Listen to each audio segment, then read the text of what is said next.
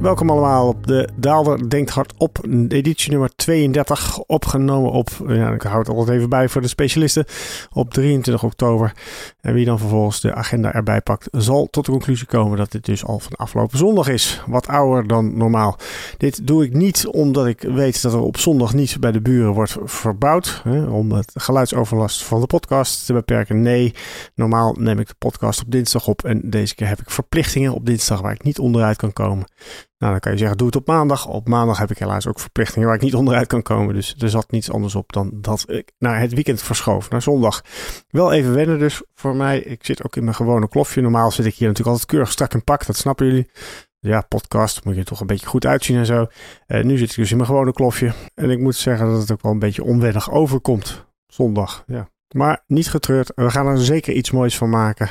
Dit is de Daalder Denkt Hardop. Ik ben in de hoofdrol Lucas Daalder, beleggingsstratege bij BlackRock Nederland. Kunt u vragen altijd stellen bij vraag.daalder.blackrock.com. En het allerbelangrijkste is natuurlijk dat u zich ook kunt abonneren op deze podcast. Dus mocht u voor het eerst luisteren, schroom niet. U kunt gewoon op de abonneerknop drukken. En dan krijgt u vanaf dat moment elke woensdagochtend deze podcast gratis en voor niks aangeboden. Dus ik zou zeggen, laat die buitenkans niet schieten.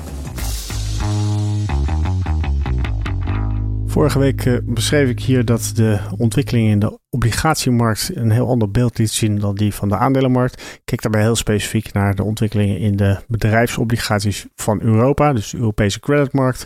Waar je heel duidelijk zag dat de spreads de afgelopen weken alleen maar verder is opgelopen.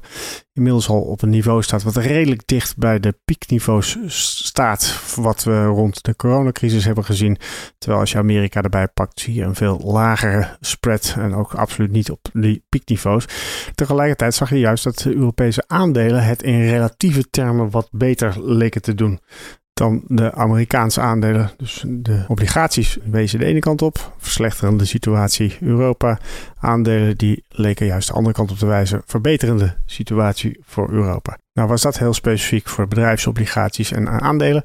Nou, nu kan je eigenlijk, als je terugkijkt naar de afgelopen week, dus de week die achter ons ligt, kan je zeggen dat het een trend is die je misschien ook wel in de bredere markten ziet. Dus niet alleen voor bedrijfsobligaties, maar ook voor staatsobligaties.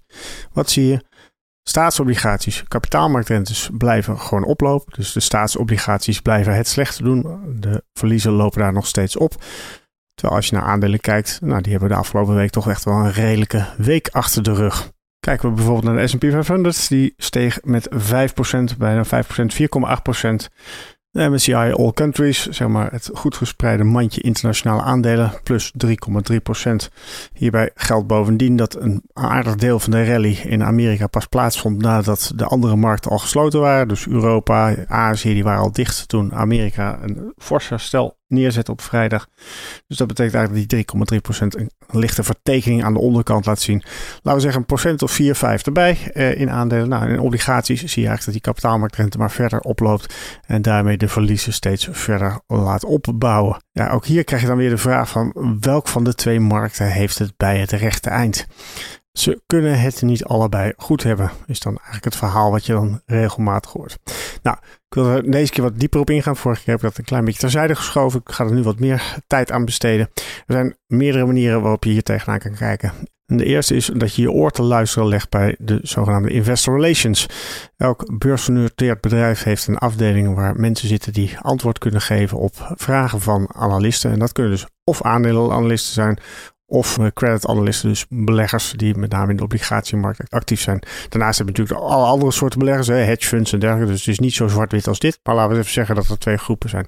Ik heb altijd gehoord van de mensen die ik kan kennen, die bij Investor Relations werkten, dat de vragen die ze over het algemeen kregen van de obligatiebeleggers wel wat slimmer waren en wat meer diepgang hadden dan de vragen die de aandelenanalisten stelden. Nou, is dat absoluut geen zekerheid. Hè? Eh, het kan best zijn dat ik een heel beperkte groep van investor relations mensen gesproken heb. Dat ik daardoor een totaal vertekend beeld heb. Maar ik weet ook wel uit mijn eigen ervaring toen ik zelf nog aandelenanalist was. Want ben ik in een grauw verleden geweest. Dat ik toch wel merkte dat bij de investor days de echte slimme, moeilijke vragen toch vaak kwamen van de mensen die wat meer een achtergrond in de obligatiemarkt hadden. Niks ten nadele van andere analisten, dus don't shoot the messenger. maar dat was mijn eigen ervaring. En ik was zelf een aandelenanalist, dus ik vind dat ik dit oor wel, wel mag vellen. Dat is één manier om er naar te kijken. En nogmaals, ik kan het helemaal mis hebben, dus voor wat het waard is. Een andere manier is om vast te stellen dat aandelenanalisten en obligatieanalisten, of aandelenbeleggers en obligatiebeleggers, twee totaal andere dieren zijn. Bij een aankoop van een obligatie weet je eigenlijk precies wat je zou kunnen verdienen in nominale termen. Je weet welke prijs je een obligatie koopt en op welke prijs die afloopt en welke coupon er misschien nog tussentijds wordt betaald. Maar dat is het wel. De echte risico zit hem in het feit dat een obligatie op een gegeven moment niet uitbetaalt, dat er gedefault wordt. Je hebt dus eigenlijk weinig upside. De upside is gewoon bekend, kan je uitrekenen. Maar er is heel veel downside. Namelijk op het moment dat er een default is, ben je alles kwijt. Nou, niet alles, want er is altijd nog een recovery. Maar ben je veel geld kwijt. En dan moet je ook nog heel veel tijd wachten voordat je je geld ook echt hebt. Geen upside, heel veel downside. Laat zich raden dat dan vervolgens ook de focus komt te liggen op de downside. Je wil je risico goed in kaart brengen. En daardoor stel je ook inderdaad hele kritische vragen om vooral die risico's vast te stellen. Aandelenbeleggers en aandelenanalisten hebben daarentegen evenveel downside. Hè? Eh, sterker nog meer. Op het moment dat er een default is, dan raak je misschien al je geld kwijt. Maar bij aandelen zit natuurlijk veel meer die focus ook op die upside. Die is weliswaar niet oneindig, maar een aandeel wat verdubbelt in waarde, ja, dat is niet ongekend. Probeer dat maar eens een keertje voor elkaar te krijgen bij een obligatie. Nou, we zitten inmiddels bij die obligatiemarkt ook alweer in een redelijke correctiefase. En zijn er inderdaad uh, staatsobligaties die nu op een koers handelen van 30 of 300 of whatever, de face value, maar in ieder geval op 30% van de uitgiftekoers. Dus daarvoor kun je zeggen, nou daarvan weet je op een gegeven moment ook dat hij wel degelijk kan verdubbelen. Dat zijn overigens wel heel langlopende obligaties. Dus dat duurt nog wel even. Maar goed, je, kan in dat geval ook zeggen. Daar, daar zit ook in obligaties wel degelijk upside. Maar nogmaals, dat is de upside waarvan je van tevoren al kan bedenken hoe groot die is. En die zal niet groter worden. Aandeelbeleggers hebben veel meer ook oog en interesse voor met name de upside van het aandeel zelf. En kijken wat dat betreft ook veel meer naar groeipotentie, marktaandeel, pricing power. Nou, je noemt het allemaal maar die hebben duidelijk een heel andere focus. Betekent dit daarmee dat de obligatiemarkt het altijd bij het rechte eind heeft of slimmer is? Nou, dat vind ik dus echt veel te kort door de bocht. Zijn zeker situaties te vinden in het verleden waarbij je zag dat eh, bijvoorbeeld de spreads al aan het oplopen waren. Of dat de kapitaalmarkten begonnen op te lopen en dat de aandelenmarkten tot op zekere hoogte dat in de eerste instantie naast zich neerlegden. Dus daarvoor kan je zeggen van goh, die aandelenmarkt die, bleef te optimistisch. Ja, dat kan je met kennis van nu achteraf zeker vaststellen, maar op dat moment was dat absoluut niet een gegeven. Er zijn volgens mij ook net zo goed voorbeelden waarbij het andersom was, namelijk dat de kapitaalmarkten begonnen op te lopen, spreads ja, toch al behoorlijk aan het uh, uitschieten waren en dat aandelen dat negeerden. Terwijl dat achteraf gezien ook inderdaad terecht was. Dus dat het optimisme van de aandelenmarkt wel degelijk de juiste keuze was. Het is niet zo dat de ene markt meer weet dan de ander. Dat is ook niet zo. Hè? Dus dat vind ik ook altijd zo'n zo mooi sprookje van uh, wat weet de obligatiemarkt dat de aandelenmarkt niet weet. Nou, echt totale onzin zou ik zeggen. We kijken allemaal naar dezelfde macro-informatie. Je kan dezelfde vragen stellen. Dus het is niet zo dat obligatiebeleggers meer weten of geheime informatie hebben of iets van die geest. Eh, van die suggesties die soms wel gedaan worden. En zelfs al was het wel zo, dan zou ik zeggen dat je als je eh, de lerende markten kent. Ja, op het moment dat je ziet dat elke keer bij elke correctie de obligatiemarkt een maand van tevoren begint te corrigeren. En aandelen daar een maand achteraan hobbelen. Ja, je mag dan toch hopen dat eh, de markt als geheel op een moment inziet, hé, hey, de obligatiemarkt begint te keren. Laten wij dan ook zorgen dat die aandelenmarkt iets van een risicopremie begint in te prijzen. Dus als de obligatiemarkt inderdaad slimmer is, dan zijn die aandelenboeren wel heel erg dom. Want niet alleen laten ze de informatie liggen, gebruiken ze het niet. En, maar ten tweede negeren ze ook nog eens een keertje dat signaal wat uit die obligatiemarkt komt. Ja, de enige verklaring hiervoor is dat dat signaal uit die obligatiemarkt lang niet altijd betrouwbaar is. Dan nog even terug naar de huidige situatie, waarbij die kapitaalmarktrentes verder oplopen, maar waarbij aandelen dat op dit moment even naast zich neerleggen. Denk dat daar gewoon een hele goede verklaring voor is. We zitten midden in het cijferseizoen. Eh, we zien steeds meer bedrijven naar buiten komen die ja, toch best wel redelijk goede resultaten laten zien. Of in elk geval niet het gevreesde bloedblad wat, uh, ja, waar men bang voor was, uh, komt niet uit. Ja, dan is het ook niet heel vreemd dat je ook iets van een soort van opluchting hebt, een relief aan de aandeelkant. Uh, ja, dat hoeft absoluut niet gevolgd te worden in de obligatiemarkt. Die obligatiemarkt, zeker de staatsobligatiemarkt, wordt natuurlijk helemaal niet gedreven door bedrijfsresultaten dat dus de kapitaalmarktrente oploopt, terwijl de aandelenmarkten toch herstellen, vind ik eigenlijk niet zo heel erg vreemd in de huidige omgeving. Ga de naam van deze podcast gelijk eer aan doen, want uh, nog geen 30 seconden nadat ik gezegd heb dat bedrijfsresultaten geen enkele impact zouden moeten hebben op staatsobligaties, ga ik mezelf nu tegenspreken in die zin. Je kunt wel degelijk zeggen dat in de huidige situatie bedrijfsresultaten juist heel relevant zijn voor staatsobligaties. Hoe beter de bedrijfsresultaten, hoe hoger de marges blijven, hoe beter kennelijk ook de bedrijven nog steeds in staat zijn om de hogere kosten die ze zelf ervaren door te berekenen naar de eindklant. Dus eigenlijk hoe hoger die marges, hoe beter de winstcijfers, ja, hoe groter de kans is dat inflatie ook het komende kwartaal nog niet onder controle wordt gebracht. Ik hoor dit argument trouwens heel weinig. Ik zie dat er voornamelijk heel veel nadruk ligt in het hele inflatiedebat rond de lonen. Dus iedereen gaat roepen, ja, je moet de lonen niet te veel verhogen, want dan wordt het een loonprijsspiraal. Ja, daar zit inderdaad wel degelijk een risico in. Maar je kan net zo goed zeggen dat er sprake is van een loonwinstspiraal. Nee, sorry, een winstprijsspiraal. Uiteraard zal het voor een individueel aandeel heel belangrijk zijn dat de marge hoog blijft of misschien zelfs nog wat verder oploopt. Maar als je dat over de hele linie ziet, dan betekent eigenlijk gewoon dat je te maken hebt met ja, aanhoudende inflatie. En dat zal uiteraard resulteren in meer actie van centrale banken die vervolgens de rente verder zullen verhogen. En dat heeft dan inderdaad wel degelijk ook een negatieve impact op die kapitaalmarktrente. Dus helemaal los staan die bedrijfsresultaten niet van de ontwikkeling in de obligatiemarkt. En de, afgelopen weken zie je eigenlijk dat die trend van hogere kapitaalmarktrentes, uh, met uitzondering dan van Britland, maar goed, dat land heeft natuurlijk de afgelopen tijd een wat uh, ongewone ontwikkeling meegemaakt. Maar over de brede linie zie je eigenlijk dat die kapitaalmarktrentes nog steeds in een opwaartse trend zitten. De Amerikaanse 10-jaarsrente tikte vorige week bijvoorbeeld de 4,33 aan. 4,33 procent. De laatste keer dat we dat hebben gezien was eind 2007. Nou, dat is toch al een behoorlijk tijdje terug. Ook de Duitse kapitaalmarkt is trouwens nog steeds aan het oplopen. Inmiddels zien we daar een percentage van 2,41 op de borden staan.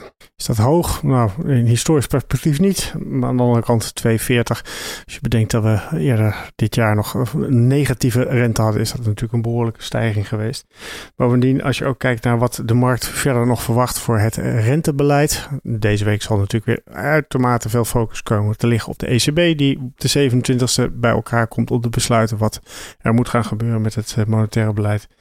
Als je kijkt naar wat de markt op dit moment inprijst voor, de renteverwachtingen voor de komende maanden. En ik kijk dan nu eventjes naar wat de markt ongeveer denkt dat eh, in maart van volgend jaar de korte rente zal zijn, dus de beleidsrente, dan zie ik dat daar een niveau van 2,6% op dit moment op de borden staat. Nou, 2, nou zeg, neem je de podcast op zondag op, gaan ze toch nog weer zitten boren. Moet niet veel gekker worden. Ik word weer even onderbroken door de buur. Uh, 2,6 uh, is natuurlijk een ander getal dan uh, de 2, of een hoger getal dan de 2,4 die je op dit moment op de kapitaalmarktrente ziet. Nou, verder lijkt me dit een goed moment om een keer de post door te werken. Niet dat ik ooit post ontvang, maar ik krijg natuurlijk vragen bij vraag.daalder.blackrock.com nou ja, vragen. Soms zijn het ook al van die mailtjes waar ik denk van hé, hey, dit is meer een opmerking of een algemene aanmoediging. Uh, dat ik ook wat moeite heb om echt een vraag te ontdekken. Laat staan dat ik daar dan op dat moment heel veel aandacht aan kan besteden in de podcast. Er zijn er twee deze week die ik dan toch wel specifiek even wilde noemen. Eentje was een vraag van iemand die zei: Hey, leuk dat je podcast maakt. Vroeger organiseerde je ook altijd borrels. Wanneer is de volgende borrel? Hiermee verwees deze persoon naar de Best of the Web borrels die ik in het verleden elk half jaar zo'n beetje organiseerde. Nou, ik heb al een keer eerder in een eerdere editie in deze podcast aangegeven dat ik uh, zeer groot fan van dat soort initiatieven ben. Dus dat ik dat ook zeker van plan ben om nu weer te doen. Maar dat ik eigenlijk een beetje op zoek ben naar de juiste moment, de juiste gelegenheid. Bij mijn Best of the West Borrels deed ik dat elke honderdste editie. Uh, Best of the Web, dat was een verwijzing naar een, dagelijkse, dan niet een podcast, maar een nieuwsbrief die ik uitstuurde. Of eigenlijk een website die ik in de lucht hield. Dus dat betekent elke honderdste editie, nou ongeveer twee keer per jaar was dat dan. Uh, ja, bij de podcast gaat het de teller natuurlijk wat minder hard omhoog. Dus ik denk dat ik bij elke 50 een borrel hoop te gaan organiseren. Overigens leg ik dat natuurlijk nog niet vast, want het is, het is natuurlijk wel echt bedoeld voor alleen de echte diehard fans van de podcast. Dus degene die elke week luisteren, die zullen op een gegeven moment de geheime code zullen horen wanneer en waar de borrel plaatsvindt. De andere, ja, die hebben dan pech gehad. Dus uh, je moet wel echt alle podcasts van nu af aan blijven luisteren. Wil je die borrel niet missen? Uh, een andere vraag van een totaal andere orde was de vraag: wie is de eigenaar van de centrale banken?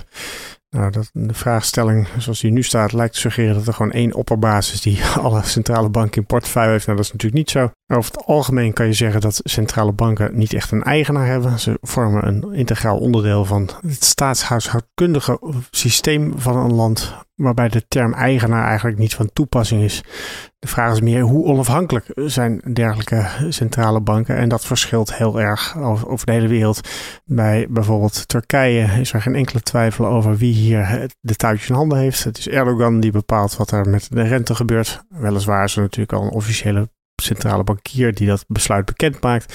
Maar goed, we hebben de afgelopen paar jaar echt wel heel duidelijk gezien dat de wil van Erdogan hierbij leidend is. Uh, een andere extreem is denk ik de ECB. De ECB, daarvan kun je echt wel zeggen dat die onafhankelijk is. Niet in de laatste plaats vanwege het statuut waarop de ECB is opgericht, maar ook vanwege het feit dat er geen echt ja, één land is die de baas zou kunnen spelen in de ECB. ECB is natuurlijk eh, de centrale bank van de eurozone, een heel munt, eenheid van meerdere landen. Uh, en daarbij heb je natuurlijk al heel erg snel de vraag van wie hier is nu eigenlijk degene die de baas zou mogen spelen. Iets anders, tussenvorm is dan bijvoorbeeld het VK. Het VK was een centrale bank die tot, nou, ik geloof, jaar 80, ben ik me te herinneren, nog niet onafhankelijk was. Dus die had wel degelijk een soort van verantwoordingsplicht richting de regering. En dat hield dus ook in dat de machthebber of de premier van de VK wel degelijk ook een soort van invloed kon uitoefenen over wat er met het monetaire beleid gebeurde. Ik denk dat Liz Truss mm, de afgelopen weken met enig weemoed aan die periode gedacht zal hebben. Want als de Bank of England nog gewoon een onderdeel was geweest van haar beleid, had ze natuurlijk de Bank of England kunnen opdragen om eindeloos veel obligaties te blijven komen, waarmee de financiering van haar fantastische belastingpakket alsnog mogelijk was geweest. Nou, dat is natuurlijk niet het geval geweest. De Bank of England heeft tijdelijk ingegrepen om rust te creëren. Maar hij heeft vervolgens ook heel duidelijk gezegd: tot hier en niet verder. Hij heeft een deadline gesteld van nou, afgelopen week vrijdag. Met als gevolg dat dat ook eigenlijk een beetje de deadline was waarop het lot van de regering Truss bezegeld werd. En dat is natuurlijk een vrij natuurlijke overloop naar de rubriek opmerkelijk onverwachts en onbesproken. In dit geval natuurlijk opmerkelijk Namelijk dat Boris Johnson als een van de kandidaten naar voren wordt geschoven om de nieuwe premier te worden in het VK. Het kan niet gekker worden. Iemand die zes maanden geleden echt zo bond had gemaakt dat zijn eigen partij hem eruit gooide, dat hij nu misschien wel weer op het zadel wordt gehezen om het gewoon nog een keer te proberen. Ik vind dat echt politieke armoede kom ik bij de laatste rubriek in de podcast van deze week. Dat is natuurlijk mijn eigen podcast tip. Uh, ik heb de afgelopen weken een hele waslijst aan podcast de revue laten passeren. Ik heb er overigens nog een paar over.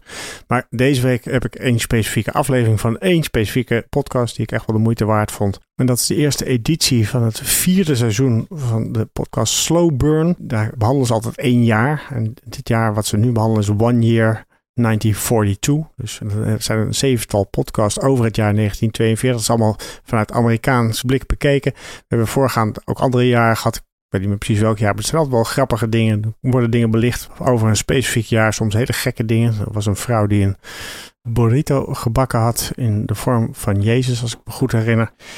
De editie van vorige week heette The Most Hated Man in America. En ging over de ambtenaar die verantwoordelijk was om prijsstabiliteit in de Amerikaanse economie te garanderen. En deed dat op allerlei draconische manieren die niet altijd door het publiek werden gewaardeerd erg interessant. Ik wist niet dat er dergelijk was ingegrepen in de Amerikaanse economie in de tijd. Dus uh, zeker de moeite waard uh, om nog een keertje te luisteren vanuit historisch perspectief. En daarmee kom ik weer aan het einde van de podcast. Vraag.daalder.blackrock.com voor al uw vragen. Stel ze vooral, schroom niet. Ook kunt u vragen naar wanneer die borrel nou precies gaat plaatsvinden. Dat antwoord geef ik eigenlijk alleen maar in deze podcast. Dat heb ik al verteld. Vraag.daalder.blackrock.com En ik hoop u volgende week allemaal weer hier te treffen. Alvast bedankt.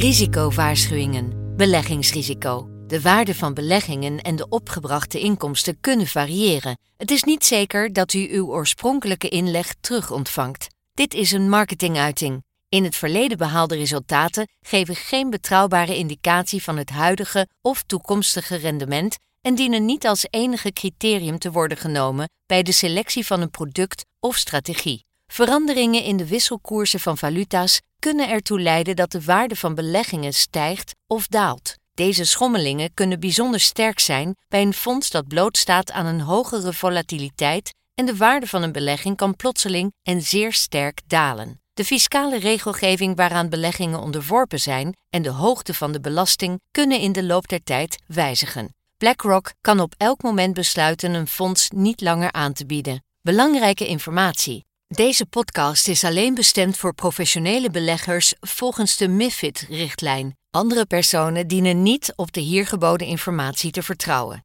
Deze podcast is uitgegeven door BlackRock Netherlands BV, dat een vergunning heeft verkregen en onder toezicht staat van de Nederlandse Autoriteit Financiële Markten. Officiële zetel Amstelplein 1 1096 HA Amsterdam. Telefoonnummer 020 549 5200. Ingeschreven in het handelsregister onder nummer 170 Om u te beschermen worden telefoongesprekken doorgaans opgenomen. Alle in deze podcast vermelde researchgegevens zijn verstrekt door BlackRock en kunnen door BlackRock inmiddels voor eigen doeleinden gebruikt zijn. De resultaten van dergelijke research worden slechts incidenteel verstrekt. De hier geuite visies vormen geen beleggingsadvies en kunnen aan verandering onderhevig zijn. Ze weerspiegelen niet altijd de gezichtspunten van een bepaalde onderneming binnen de BlackRock-groep of van een afdeling daarvan en de juistheid ervan kan niet worden verzekerd. Deze podcast is uitsluitend bestemd ter informatie.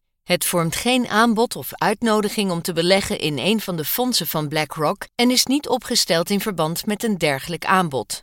Copyright 2022 BlackRock Incorporated. Alle rechten voorbehouden. BlackRock is een geregistreerde handelsnaam van BlackRock Incorporated en haar dochterondernemingen in de Verenigde Staten en daarbuiten. Alle andere handelsnamen zijn van de respectievelijke eigenaren. Deze podcast mag niet worden verspreid zonder toestemming van BlackRock.